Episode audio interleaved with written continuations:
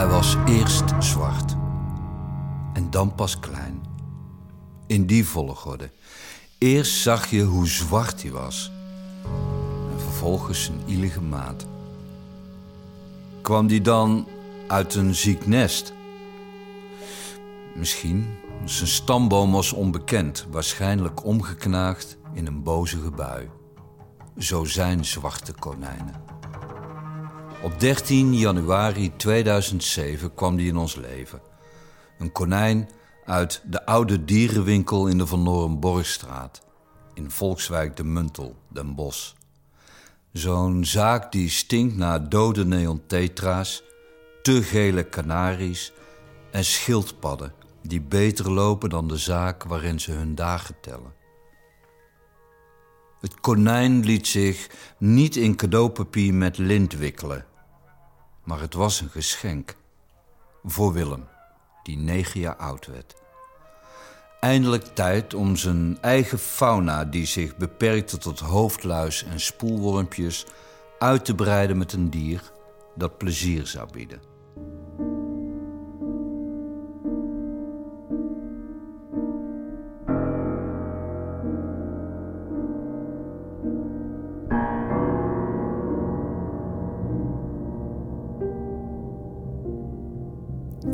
Willem was er zielsblij mee. Hij noemde zijn konijn Sabel. In de heraldiek is Sabel de naam voor zwart. Een ridderlijk konijn. En wij, nog niets vermoedend, zouden zijn hofhouding worden.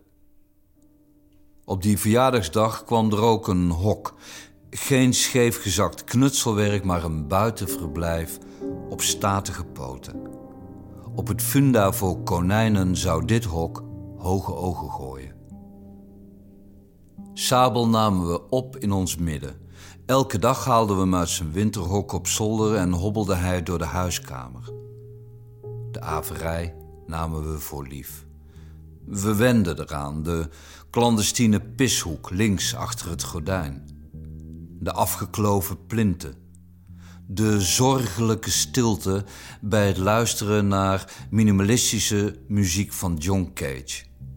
Want dankzij de doorgeknaagde bekabeling kwam er geen zuchtje geluid uit de boksen.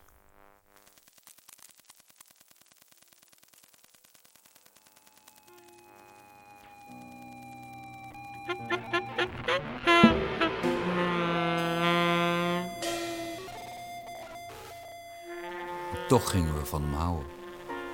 Hij pakte ons in. Wij ademden sabel, wij spraken, wij dachten, wij voelden sabel. De zin van het leven was voortaan zwart en klein, maar niet lang.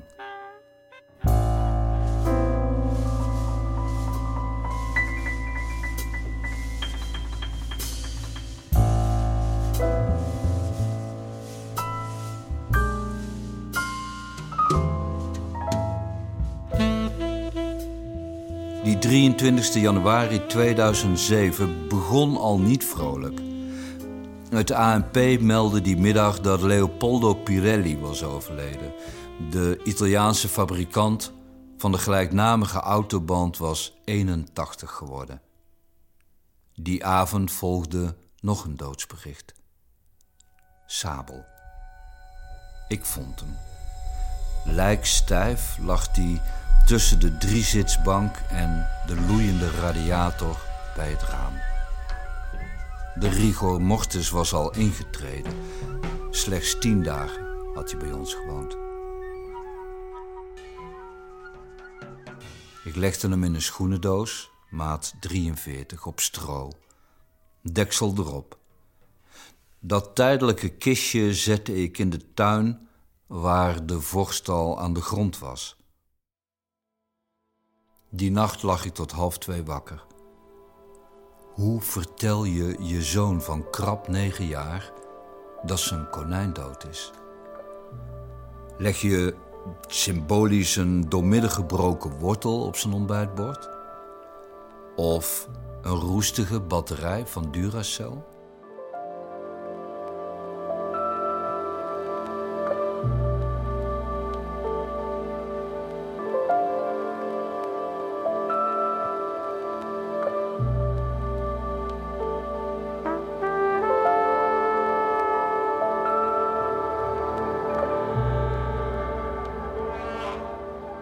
Toen wij de volgende ochtend Willem vertelden over het overlijden van Sabel, brak hij in tranen. Ehm, ik weet nog dat ik wel gehuild heb toen ik hoorde dat Sabel dan echt dood was. Maar al voor zijn vertrek naar school was het voor hem glashelder. Er moest een begrafenis komen. Ik, ik denk dat ik dat dan misschien kende van televisie of zo, maar ik had ook wel bedacht dat er echt iets, iets van een ceremonie moest zijn. Of dat, dat Sabel niet zomaar in de grond kon en dat het dan afgesloten was.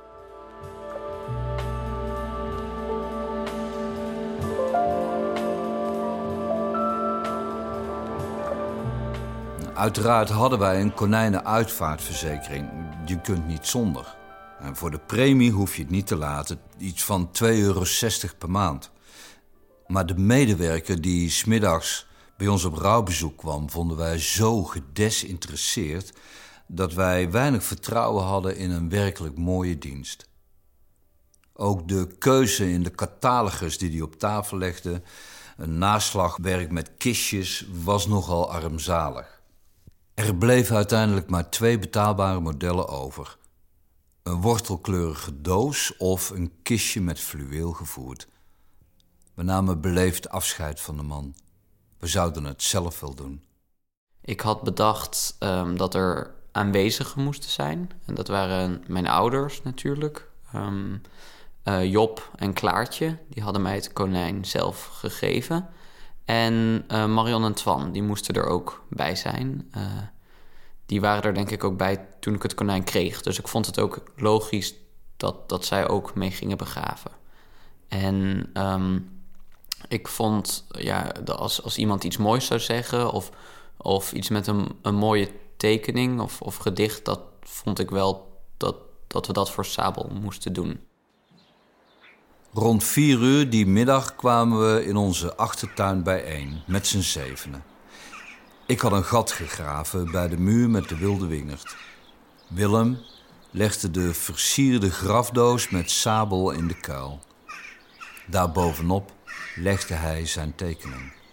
Ik heb toen uh, ervoor gekozen om een, een tekening te maken. En ik weet wel nog goed hoe die eruit zag. Dat was een, een heel, heel zwart konijn. Sabel zelf was ook heel, heel erg zwart. En, en dan met twee witte vleugels aan de zijkanten. En een, een, witte, een groot wit kruis op zijn borst. Bijna een echt een, een religieuze tekening van, van dat konijn. En uh, ik, ik, ja, ik kan me voorstellen dat ik dan toen ook dacht dat hij wel naar een, ja, een, een huisdierenhemel of een konijnenhemel zou gaan of zo. Ik had, het, ik had er echt bijna een, een goddelijke tekening van gemaakt of zo. Dus ja, ik, ik, ik heb wel het idee dat ik dat toen ook wel dacht. Als eerste gooide Willem een schepje zand op het deksel van de versierde doos. Anderen volgden in stilte zijn rituele handeling.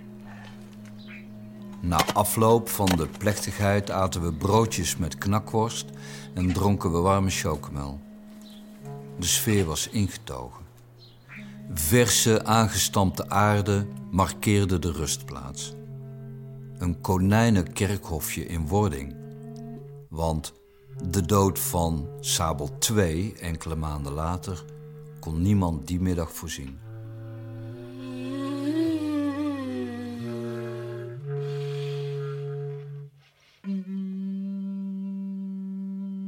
S'avonds legde Willem ons de omerta op. Niemand mocht van Sabels dood weten. Hij wilde een identiek konijn dat de leegte onopgemerkt zou wissen. Het leek alsof Willem zich schuldig voelde aan het smartelijk einde van zijn dier. Ik herinner me ook nog dat ik al snel een soort praktische reactie erop had van... oh ja, maar we kunnen natuurlijk ook wel een ander klein zwart konijntje kopen. En als we die dan weer sabel noemen en als we deze gewoon snel ja, begraven, ehm, en dan hoeft eigenlijk niemand te weten dat er ooit een konijn is gestorven. Dus dan kunnen we gewoon doen of dat, of dat dit konijn dan langer door blijft leven of zo. En ik weet niet meer of dat ik het dan zelf heel moeilijk vond om te erkennen dat ja, de eerste of de echte sabel dood was. Of dat ik het dat het me zielig leek voor anderen. Dat zij dan moesten accepteren dat, dat Sabel dood was. Of dat ik het een beetje gênant vond dat, dat ik een konijn tien dagen in leven had kunnen houden. Maar ik weet wel nog dat, dat ik het eigenlijk gewoon ook wel snel ermee door wilde of zo. Of het snel af wilde handelen.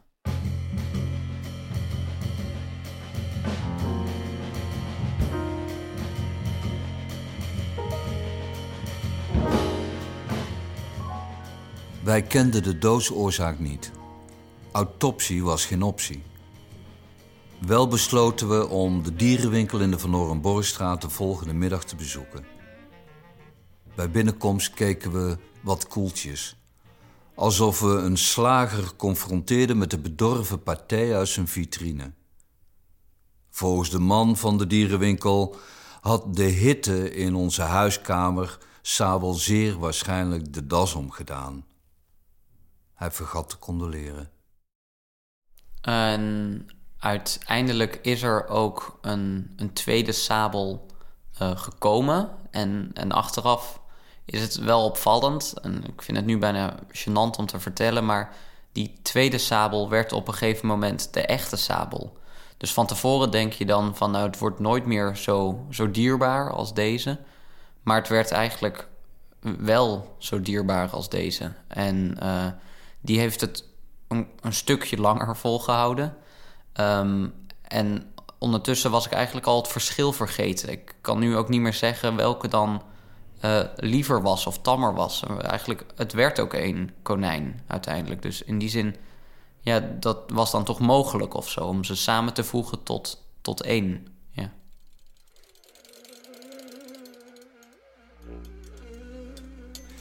Het is nu ruim negen jaar geleden, maar dat kleine konijn blijft aan mijn geweten knagen. Ik ril daar soms bij, vooral in de winter, als ik alleen thuis ben. Dan zit ik in de ijskoude huiskamer. De thermostaatknop durf ik niet aan te raken. Op de avond dat Sabel aan oververhitting stierf, was ik de man die de verwarming op 23 graden zette.